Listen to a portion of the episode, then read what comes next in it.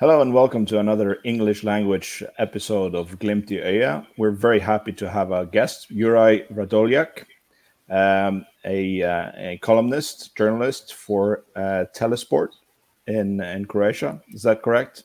Yes, it is. Brilliant. Thank you so much for taking the time to talk to us about uh, Croatian football and, and, and the upcoming Champions League playoffs. Um, please give us a, a, short introduction about yourself and how did you end up working with uh, with Croatian football?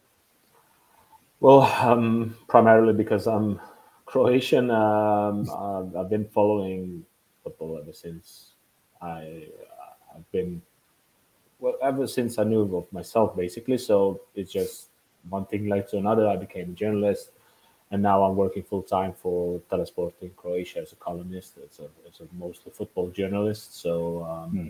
that's that's my position. Did a number of uh, did a number of features for various international media, but uh, my full time job is writing for Telesport in Croatia. Yes. Yeah, that's brilliant. You basically work with the thing that you like the most, then. Yes, definitely. yeah, but you're not personally. Um, uh, we've had some fans from other teams that we met in Europe before, but you're not a you're not a Dinamo Zagreb uh, fan. Uh, personally, no. Yes, um, I'm I'm actually a fan of the fearsome rivals, the, the other Croatian powerhouse, uh, Hajduk hmm. Split, mm. but probably that that doesn't uh, prevent me from having a chat about the strengths no. of Dinamo Zagreb. I believe yes. Absolutely um, uh, hopefully there'll be some um, Hajduk Split fans uh, cheering for uh, for the for the games coming up. Um, Probably they will, yes. Yeah, we had a few Rangers fans and some Lazio fans cheering for us in, in some earlier ties. Um, but I mean, yes, the, the Bodø is somewhat of a became somewhat of a like a neutral fan favorite, uh, a bit of a hipsterish team as well in Europe in recent times. So it's yeah. not really weird that anyone would, despite the rivalry, um, someone would support Glimt. Yeah. Hmm. Right. So, how, how would you see the strength of uh, Dinamo Zagreb as a as a team right now? They they had their um, clash with uh, Hajduk Split uh, this this week, and um, yeah, there's been a lot of talk in Norwegian media in the last couple of days about whether or not high, uh, because Dinamo Zagreb is a is a well-known European powerhouse. Are they as strong as they've been before, or or what's the situation right now? Well, I'd say they definitely are as strong as they've been, at least in recent years. Um, they've fairly they've been doing fairly really good work in transfer market this summer because they had some um, some weaknesses they've they've had like in the last season where they've been lacking um, a striker. They, they, hmm. they, they, had to bring in a goal scorer and they found one in Josip Drmic, who's like a seasoned uh, Premier League player in the past. Uh, most recently, he was the second top scorer in the Croatian league last season behind Hajduk Split's Marko Livaja. So he was wearing a Rijeka shirt. Um, he now made his transfer to Dinamo Zagreb, and that's as good as they could get in terms of finding a really good and experienced goal scorer. That that was their main concern ahead of this season, and I think they've found the, the, the best suitable option who knows both the Croatian league and uh, who's also very seasoned in international football as well. Uh, other than that, uh, they brought in some, you know, fairly also interesting young players such as Boško Šutalo from Verona, who's also he had some unlucky injury crisis recently, and that prevented him from perhaps making his name in Serie A. But um, now that he's back in Croatian football, I think he's an interesting signing as well. Uh, pairing up with his um, fellow Šuta, uh, Josip Šutalo, sorry, uh, in the centre back positions. It, those two can be really brilliant options in the centre back positions. So they've been uh, they've been trading very well in the in the transfer market this summer, and I think they're really much more stronger than they were even last season. Um, uh, that's that's kind of what I see as uh, from Bodø perspective, I think that's what it is supposed to worry the team uh, the most because they are very seasoned in European football. A lot of these players have been here for a number of years. They know each other very well. They brought in a couple of young players that provided much needed depth for uh, for the squad for the roster, and that's what's kind of the biggest imbalance uh, between the two teams. I think the, the, the experience in the big games in the in the big, big European games. I think that's the biggest point of this balance between the two teams currently. Uh, mm. But Dinamo Zagreb do have their own weaknesses still. Uh, I'd say the biggest weakness is on the left back in, in terms of the team itself. It's the left back position. They, they, they've been bringing in a number of left backs. None of them really worked for various reasons. Mm. Um, now they're playing actually uh, Ljubicic, who came in from Rapid Vienna this summer as like a defensive midfielder. He's now jumped in as an emergency option at the left back, which is not really. It's quite frowned upon. He's not. He's he's, he's covering it decently, but it's more than obvious that that isn't his natural position, and I think that's the the, the, the soft belly of the team. Uh, if if you could find any. Also, I think the the goalkeeper uh, Dominik Livakovic, he's he's going through a bit of a crisis now, even though he's like number one for the national team as well. But I, I think he's um, he's going through somewhat of a tiny crisis at the moment, so he's not at his top form. But okay. regardless, the team is really well balanced and really has depth uh, in, in uh, both in the first team and on the bench. Yeah, Bodø has had a, a, bit of a rough start to the season after two very good seasons, but uh, lately has really found its form and has had some a great string of victories with a lot of goals. But uh, it's interesting that you say left back because that's that's an issue we have uh, in Glimt as well. We actually don't have a, a left back; we have a right back playing in the left back position, so that's quite similar. Um, what, what kind of system do you think uh, Dinamo Zagreb would? Are they going to play the same system they always play in the league, or are they going to change it up for the, the European competition? Uh, that's another talking point uh, as far as Dinamo Zagreb goes, because um, they brought in Ante Čačić, who used to be a manager of the national team back at the Euros in 2016. Mm. It's kind mm. of this old-fashioned uh, type of manager that's more or less inclined of making the, which is good for the team like Dinamo Zagreb because of the fact that they're mostly a really individual individualistic team. They're really a set of brilliant individualistic players. So he's more more or less inclined of making them as comfortable as they they are on the ball without you know he's not inclined of like big micromanaging of the team. He just wants to make them uh, as comfortable as they can be. Uh, he was brought in during this crisis uh, in between the, the, the, spring part of the season, the second part of the season last season, where uh, Hajduk Split actually threatened to take away the championship uh, from Dinamo Zagreb. In the end, he managed to win the championship by a rather close margin as it can be between the, the two rivals.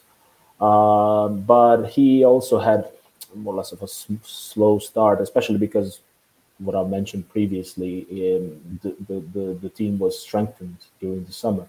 So yeah. there was a lot of criticism towards uh, Ante Čačić because he he prefers the like a, the best currently the best formation, the most suitable formation for the players, like a classic four two three one, uh, where he's playing with a double like pivots positions where where it's really important to have Arijan Ademi, who's the, the, true leader and the captain of the team.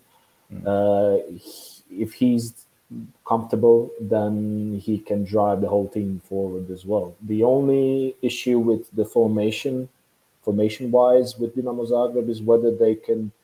The, the, the talking point is whether they can really fit two strikers up front because he was trying variations with 442, which I don't think prove, has proven a very good option for them. Uh, that's the aforementioned Josip Drmic uh, and Bruno Petkovic, who's really dipped in form quite a lot.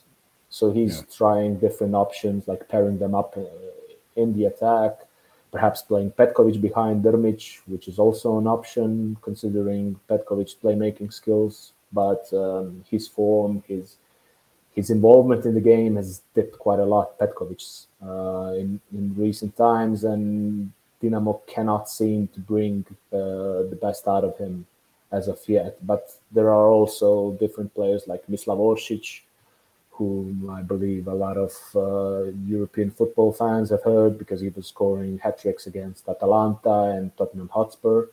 So there, there's, as I said, like there's a lot of seasoned players who've done really good on the international level and European level, on level of European competitions, and I think um, that's the biggest strength of Dinamo Zagreb going into another European season.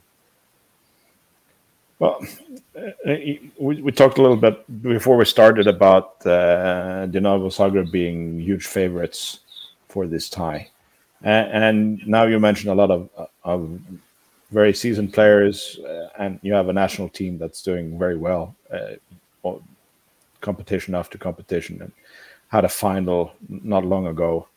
Um, at the same time, the population of Croatia is roughly the same as, as the Norwegian population. Uh, and Norwegian national team, even though we have some stars now that are bigger than we had in years, we're just not able to qualify for for European or, or the, World Cup. What, what do you think is the success story behind Croatian football? Why are you so successful, given that you don't have that big a population uh, in, in, in a European perspective? That's always a question that's really, however, it weird as it may sound, it's really hard to pinpoint um, why exactly is Croatia as successful as it is because we. Um, it's interesting um, from a, the, the story of two champions clashing now is an interesting story about comparison of how Norway treats its uh, top sport, professional sport, and how Croatia treats it. I think mm. Norway is a role model uh, for managing sport generally, not only professionally but uh, in amateur sport as well. It's a role model for different countries, Croatia included, despite the fact that the, the Norway is really basically a rich country. The, the, the two we cannot compare in those terms, but in the way that the strategic uh, development of sports in Norway is something that Croatia should look like take notes from at least and try to implement as much as it can. Um, but the, the fact that we are so successful in football is a is a bit of a problem on its own because we do not treat problems that we have numerous problems at the same time we, we just kind of keep them at bay because of the pure fact that we are so successful and that just meaning that things are all right which pretty much they are not all right. We're, okay. struggling with big issues with corruption, most notably in football, um, which Dinamo Zagreb has issues with uh, as well. Uh, and I think the success is coming. I'm not big a fan of talking about some natural born talents or you know some esoteric uh, things like you know something came up from the skies and just fell. We're not, I'm not a big fan of talking about that, but uh, it is a fact that the players and, and the, the, the, the, generally the, the athletes in Croatia are successful despite the lack of strategic system, which is interesting mm. on its own, rather than being, you know, uh, uh, rather than being successful thanks to some system and that's that's why I say that it's really hard to pinpoint on why exactly does the success come hmm. um, in in in such extent as it is. But you have other sports as well that you're successful in, like uh, hockey and and and basketball as well, I believe, or Uh, I, hockey is not really a big thing, uh, but basketball is. We're not as successful in recent times in basketball as we once were. But handball and water polo are our thing. Yeah. Hmm. Apart from apart from football, yes. Hmm. Yeah. Uh, so okay, we both agree that that uh, Dinamo Zagreb are our favorites in, in the upcoming games.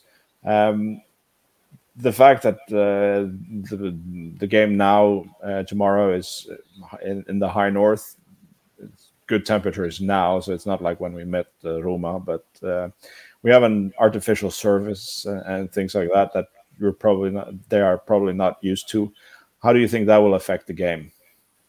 Uh, uh, I believe that Dinamo is preparing for the artificial turf. Uh, mm-hmm. They have artificial pitches um, in their next to their stadium in their training complex in Zagreb. So mm. I, I, believe they are preparing for. It's been talked about quite a lot. Uh, the mm. fact that the surface is not the same uh, as in Zagreb, as generally the ones that Dinamo is playing. So mm. I, I think they are preparing as much as they can for the fact that they're going to play on artificial turf, which is quite different for the players. Mm. Uh, also, there's a big difference in the climate, the temperature. Um, here it's, it's really warm. It's we're just on the beginning of a new heat wave in Croatia, so it's like yeah. 35 degrees, which is, I believe, a big difference from what today reflect up on the north of Norway. Yeah. Um, but uh, yes, I mean that that's that's the thing that they in the, the last season last season they've been playing on Iceland as well. Uh, yeah, it's quite similar. Yeah. So uh, I think the fact that they have we're once again going back to the fact that they, they, have been through that the leaders from this team have been through different uh, even climates playing for Dinamo Zagreb in European competitions. They, they've been through many already. So mm. they know even those type of games. They're fully aware of what is awaiting for them in terms of like climates or those type of differences.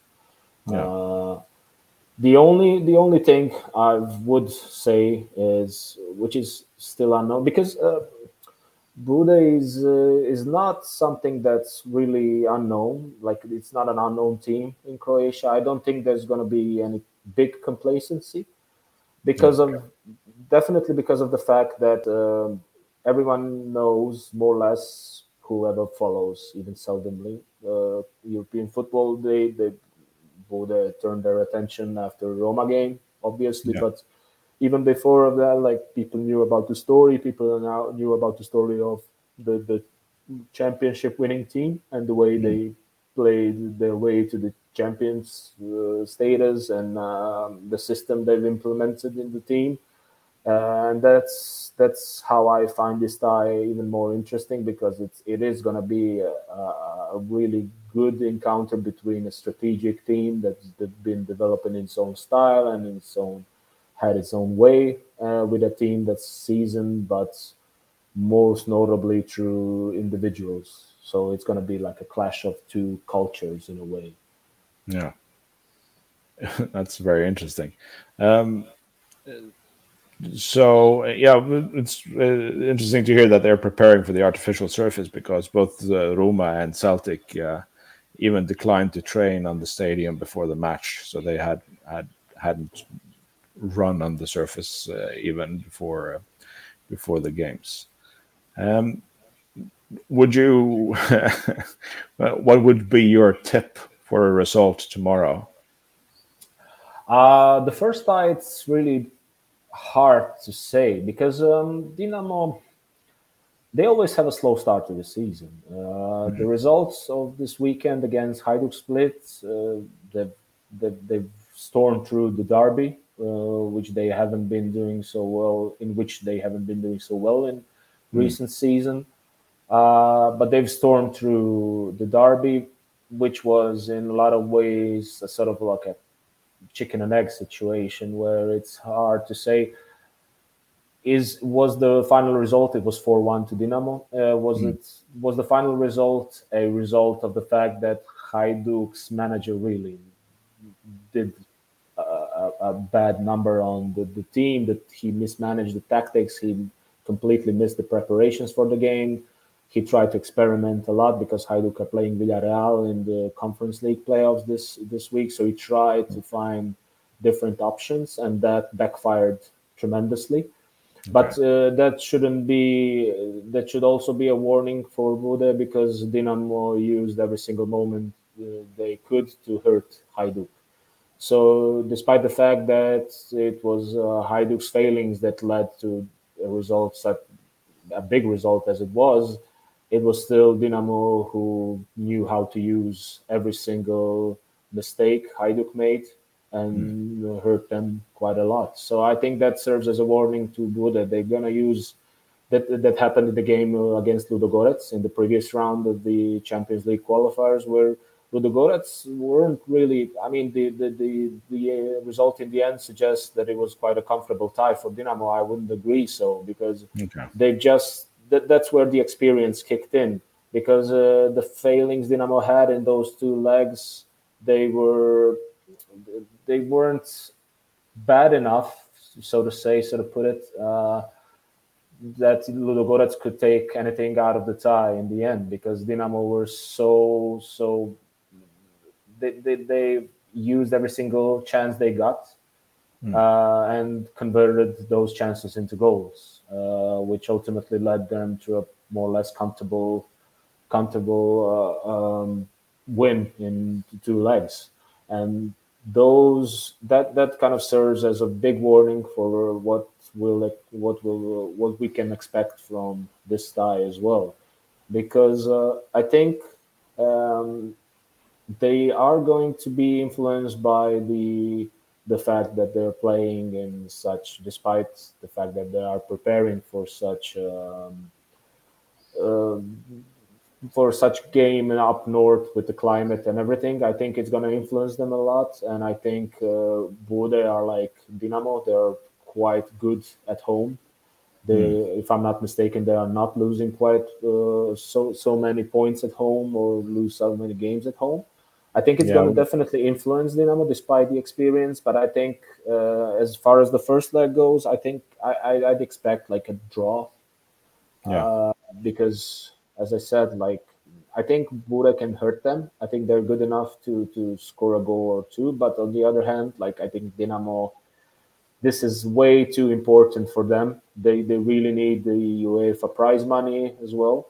So mm. they're not gonna go fall into any form of complacency coming into this game. They really need to win this game. They need the group stages, uh, not only for the sake of their status in recent years, but for the sake of, as I said, prize money they need because yeah. they have got quite a large budget they have to set, and mm. the, the the prize money is making a really big chunk of their their budgets. Yeah. We, we had a question from uh, uh, Elizabeth uh, Carlson. Uh, are there many fans from Croatia going to Bodø? Um, do you know about that? And uh, we've already talked about uh, not taking lightly on the match, but do you know if there's uh, many fans going north? Well, definitely there are going to be fans traveling. I mm. do remember the game. It was 15 years ago now, but I remember the Brann game against Bergen. Mm. Uh, in Norway, there were quite a lot Dinamo fans. I believe a lot of Croats live in Norway. So I think some local Croats will attend, probably despite the fact that it's way up north, but still they're going to make the trip from perhaps Oslo or Trondheim or somewhere like mm. that. But uh, I, I would expect like at least 200 away fans, which I think it's not that uh, from what I've heard, like Dinamo yeah. fans, they are faithful and they're they're going. I've, go heard similar numbers. Yes, yes. I, I would expect like 150, 200 away fans, definitely. Mm. Brilliant. So, if there are any uh, fans traveling to uh, to Zagreb, uh, aside from the from the game, what do you think they should experience uh, while they're there? What's the typical uh, Croatian things that they should do to experience the local culture? Uh, well, Zagreb is it's not really as fun uh, as you'd expect from a capital. It's quite It is yeah. a bit boring, um, but uh, considering the fact that it's still the, the peak of the tourist season, there the, the, the, it has a vibrant atmosphere on the street and it is very warm, as I mentioned previously, and the, the, the life is going on on the streets as much as it is in Zagreb. Uh, so there's a lot of bars in the center, and I don't think they have to be intimidated in any form because the, the, the local fans don't see Bodø as a threat, or I do not believe that there's like a big and aggressive ultra group mm. up there that they would find as sort of a rivals or a kind of uh, an intimidation of any in any form. So I think they are whoever decides to travel to Zagreb is going to actually have a fun time. It's not the Croatia as a country is not as cheap as some might expect. Uh, but I don't think for a brief visit like that, for a game, probably for a day or two, I don't think that's that's going to be a problem. Mm. Uh, but uh, Zagreb is a nice little city. It doesn't take a lot to go through the the, the main main uh, attractions in the city. It's not a big city, so you can more or less see it in a two in two days. I think you can cover the most important spots. Um, yeah. It has a it has a vibrant nightlife, especially in the summer, and I think that uh, whoever decides to travel is going to have a really nice time in the capital. Well, I've, I've never been to Zagreb, so so I wouldn't know. But I've been to Split, and that was very nice. So hopefully next year Bodø/Glimt will need, meet uh, Hajduk Split in the Champions League group stages. So so we'll be able to visit Split instead, which is a very nice uh, harbor city. Um, uh, Tom Pedersen asks uh, how many um, how many players are there on the national team on the Zagreb side? Uh, it depends, but uh, you have goalkeeper, as I mentioned, uh. He's still the number one despite his dip in form. Um, you have uh, Josip Šutalo, who's like the incoming center back. He's not really accustomed to being the first team choice in the national team, but he he's made his great breakthrough. He's recovering from a smaller scale injury at the time, and I don't think he's gonna play against Bodø, at least not in the first leg from what I've picked up. But uh, he's a really good incoming player, uh, a centre back. Uh, you have Mislav Orsic, who's featuring. He's more of a rotational player in the national team, the winger, but he he's one of the most important players, like a talisman for this team uh, as far as Dinamo Zagreb goes. You have uh, Petkovic, um, who's also had a dip in form, but he's like it's always sort of a thing that the, the coaches want to bring him back to life. So he will be perhaps able to be on his best form for Qatar for the World Cup. As things mm-hmm. stands now, he's not really reaching his best form, and I don't think how that's gonna go uh, in long terms. Uh, they have a variety of uh, national team players uh, for different national teams. Arijan Ademi is uh, born in Croatia, but he's Macedonian, so he'd feature he's been featuring for the Macedonian national team in uh, the the recent Euros, as as well as uh, Stefan Ristovski, the right back. Um, so they have a number of first team players that feature in their uh, respective national teams. Uh, they, they, the, the club form actually is what brought them there, rightfully so. Uh, and that's another thing that Bodø should be wary of, that they are very experienced in, in those terms as well. Yeah.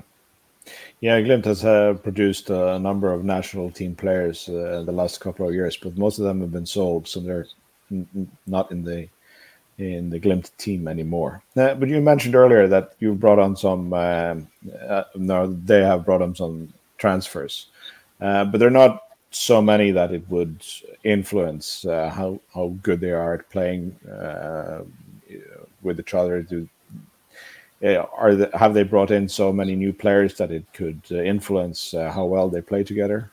Oh no, definitely. I mean, the, the, the it this transfer window was the one where they actually tended to the weaknesses of the team. They just okay. needed. Uh, I've been talking about the need for a striker mm-hmm. uh, because of the Petkovic dip in form. They needed like a clear, clear cut striker up front, which could provide mm-hmm. them with at least 20, 25 goals in a season. I think Drmic is uh, that type of player. He's proven that in a weaker team that is Rijeka last season.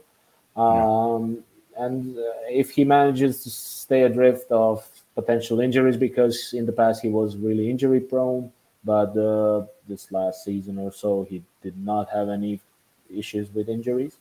So I think they've, as I said, they, they, they struck a goal on him. It wasn't cheap, but that's how it goes. If you want a 20, 25 goals international striker, you have to pay uh, for him. Uh, Ljubicic uh, as well. Like they've they've picked him up when they were meeting Rapid Vienna in uh, European competitions last season. Mm. He's an Austrian Croat, uh, so he knows the language, he knows the culture. Um, uh, but the only issue there is that he's now been, for whatever reason, because they've been last winter they brought in uh, Petar Bočkaj from Osijek, who's like the best left back in the league.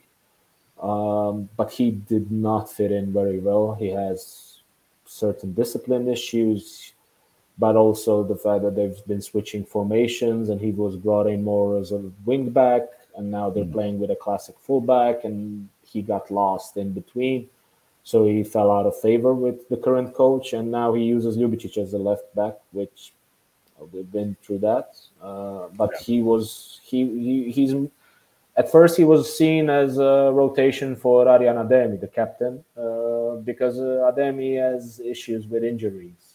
He's, he's very, very important for the game, not only as a really good player, but uh, also as a, as a kind of a presence in the midfield. He's a captain, he's the player with most European caps for Dinamo Zagreb throughout the years, and he knows he's that type of player, you know, where things, even if things aren't faring well for Dinamo, whatever part of the game, he's one that never actually quits, and he has the, the, the kind of the presence that brings the team together, you know, to go and try to to pull anything out of the game. Um, so he's very important for them. But when they lose him, uh, they lose that the quality in the midfield, despite the fact that Misic, who plays alongside him in central midfield, is amazing player. He had a really good derby this weekend.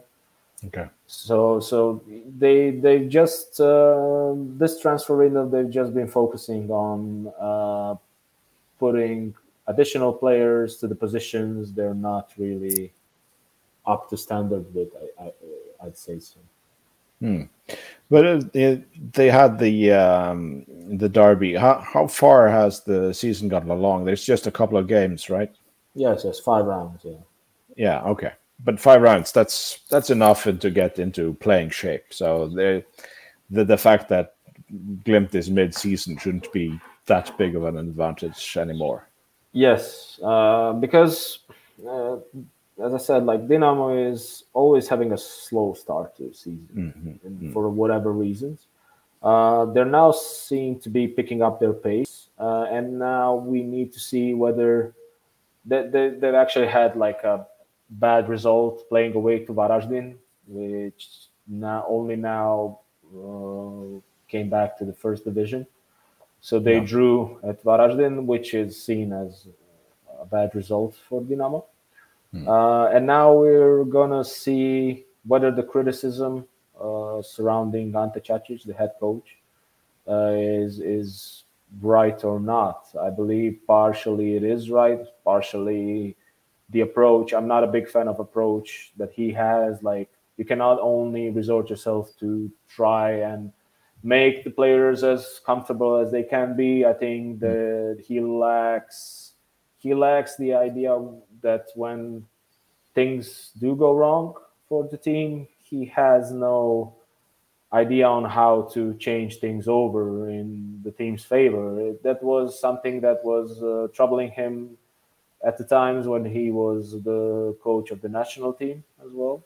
But mm. uh, that's also troubling him now. Uh, and also the, the fact that a lot of fans dislike him for the fact that he's quite close to the unpopular uh, main figure of Dinamo Zagreb, which is Zdravko Mamic. He's, he's he's actually the alpha and omega of, the, of this team, and he mm. is now in Bosnia. He's a fugitive. He he was sentenced because of tax embezzlement, because of different uh, crimes regarding his time uh, in Dinamo Zagreb, and mm. that's Čačić was his favorite from the time that he was actually in the club personally present. He's still being asked quite a lot on day-to-day business about the club, despite the fact that he's in Bosnia in hiding, uh, mm. and uh, that's that's an important, also important talking point when we are talking about uh, Dinamo Zagreb. So, is he like the owner of the club, or? No, which is amazingly enough, Dinamo is not a privately owned club. It's like a hmm. public-run club, but um, he Zdravko managed to take the whole institution over and basically make make the club his his own personal hmm. playground, which is okay. Uh, it is a weird it was a weird situation. I mean, if you remember um, two seasons ago when they knocked out uh, Tottenham Hotspur, uh, they did so with uh, Zoran Mamic in charge, which is he was the head coach at the time, and he is Zdravko's brother, and he had to flee the country as well because he was sentenced as well later on and it was just prior to the game with the return leg against Dinamo uh, against Tottenham in Zagreb. Okay. So he could not take charge of the game. He had to actually leave his post because of the fact that he was sentenced. He was due to go to prison, and then he fled as well to Bosnia and Herzegovina. So that kind of tells the story about the problems in the club as well.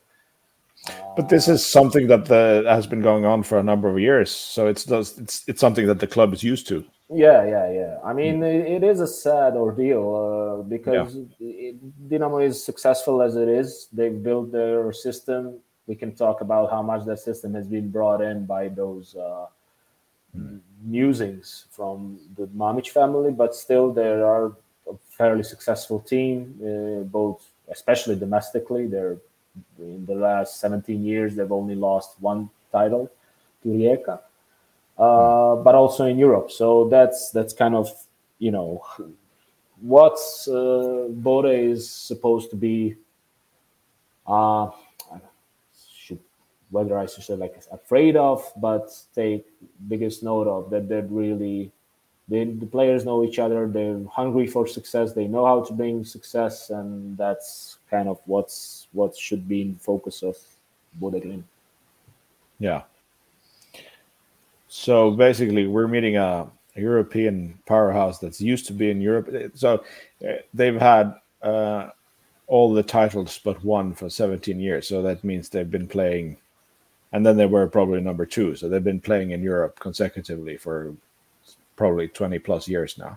Yes, yes. It's always um, for in recent years, and I'm talking about like recent as recent as like six seven years.